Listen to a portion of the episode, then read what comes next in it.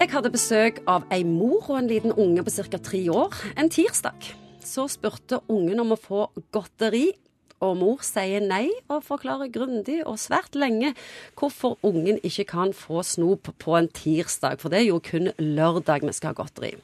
Og ungen fortsetter å mase, gir seg ikke, og mor lover til slutt at når, når de kommer hjem, så skal de få en sånn sunn is som de har i fryseboksen. Og det sier mor for at ungen skal tie. Og i det hele tatt, det var ikke så mye tid mor og jeg fikk snakket om, for ungen tok mesteparten av tida og samtalen. Og dette er et ørlite eksempel, og jeg forteller fordi vi skal snakke om grensesetting i dag.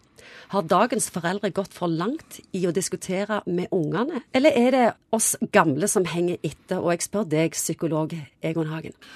Det der er et vanvittig interessant spørsmål som jeg har vært opptatt av eh, egentlig ganske lenge.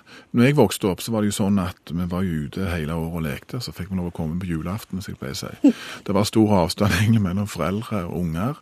Og vi var på en måte ikke involvert i voksenbekymringer på samme måte, tror jeg egentlig, som, eh, som det er i dag.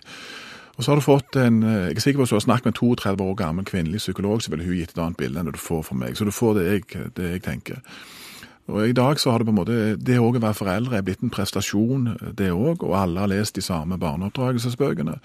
Og Det betyr at hvis du står litt på utsida av alt dette greiene, så kan det virke litt over, overpedagogisk. Og, og, foreldre ønsker kanskje også i noen sammenhenger kanskje å vise at de har kål på dette. Ja, jeg er jo på bussen av og til, og der forklarer jo fedre eller mødre veldig høyt, så alle kan høre det, hvorfor det henger sammen sånn som det gjør. Nesten så jeg får litt følelsen av at det, far og mor snakker for oss andre for å vise så flink er jeg til å snakke om ungen min, og så grundig er jeg. Det virker nesten litt show-off. Ja, det kan det sikkert være eh, noen ganger. At det å, det å være en god forelder er òg en prestasjon. Jeg har jo mange ganger jobba med f.eks. studenter som eh, liksom er ekstremt opptatt av å gjøre det bra på skolen. De er opptatt av at de skal ha et fint hus, de er opptatt av at de skal ha tid til venninnene sine, og de skal ha tid til ungene sine. Alle ting er egentlig et krav, og så kommer helga, og så skal de kjøre rundt på disse ungene. og Så det er liksom ikke grenser. Så er det mange som har dårlig samvittighet, for de føler at de ikke strekker til som foreldre. Og jeg tenker, Jesus, når jeg vokste opp, altså, så var det jo fullstendig, fullstendig annerledes. Og det var kanskje for mye den veien igjen. Men kanskje er det sånn at vi har fått et overslag egentlig hvor aldri har det vært så mye at far ligger på gulvet og leker med legoen, og aldri har det vært så mye snakk om farsavn, at folk føler at de ikke strekker til.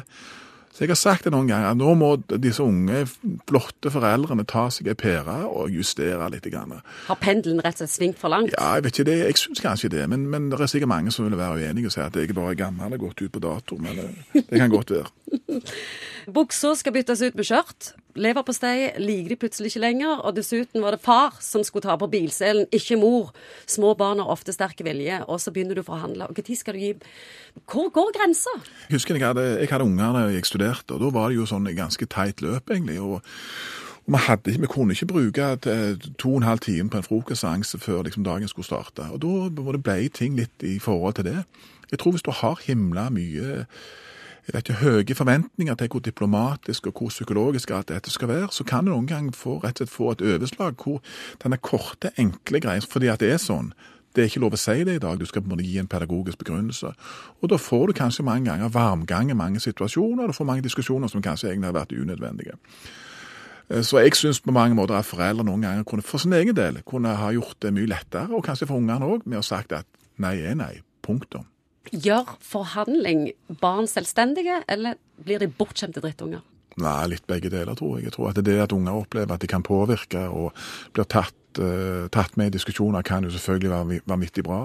Men samtidig så er det noen ganger som stopper på seg uh, har det gått for langt. Altså er det, hvor, hvor, lang tid skal vi egentlig bruke denne familien på å ta enkle beslutninger, og trenger ungene egentlig å mene noe om alt? Så det, det, er litt den ideen om at hvis vi ikke holder på hele veien og gjødsler og gjødsler, gjødsler, så faller de fra hverandre. Jeg tror ikke det er sånn. Jeg tror vi har mye mye mer å gå på som foreldre kanskje enn det vi tror. Har du en trøst til en sliten mor eller far som hører på deg akkurat nå, kanskje har sjau i bilen? Ja, det er det at det tør oss å kanskje være litt tydeligere. Husk på det at unger har vært født i huler, og vi har vokst opp i lavvoer, og det har vært krig og maraket. Unger er ikke lagd for å gå i stykker, unger er lagd for å overleve. Så om ikke du har en pedagogisk nok samtale rundt at de ikke kan få snop denne gangen heller, så er det ikke sikkert at dette blir et varig traume for ungen din.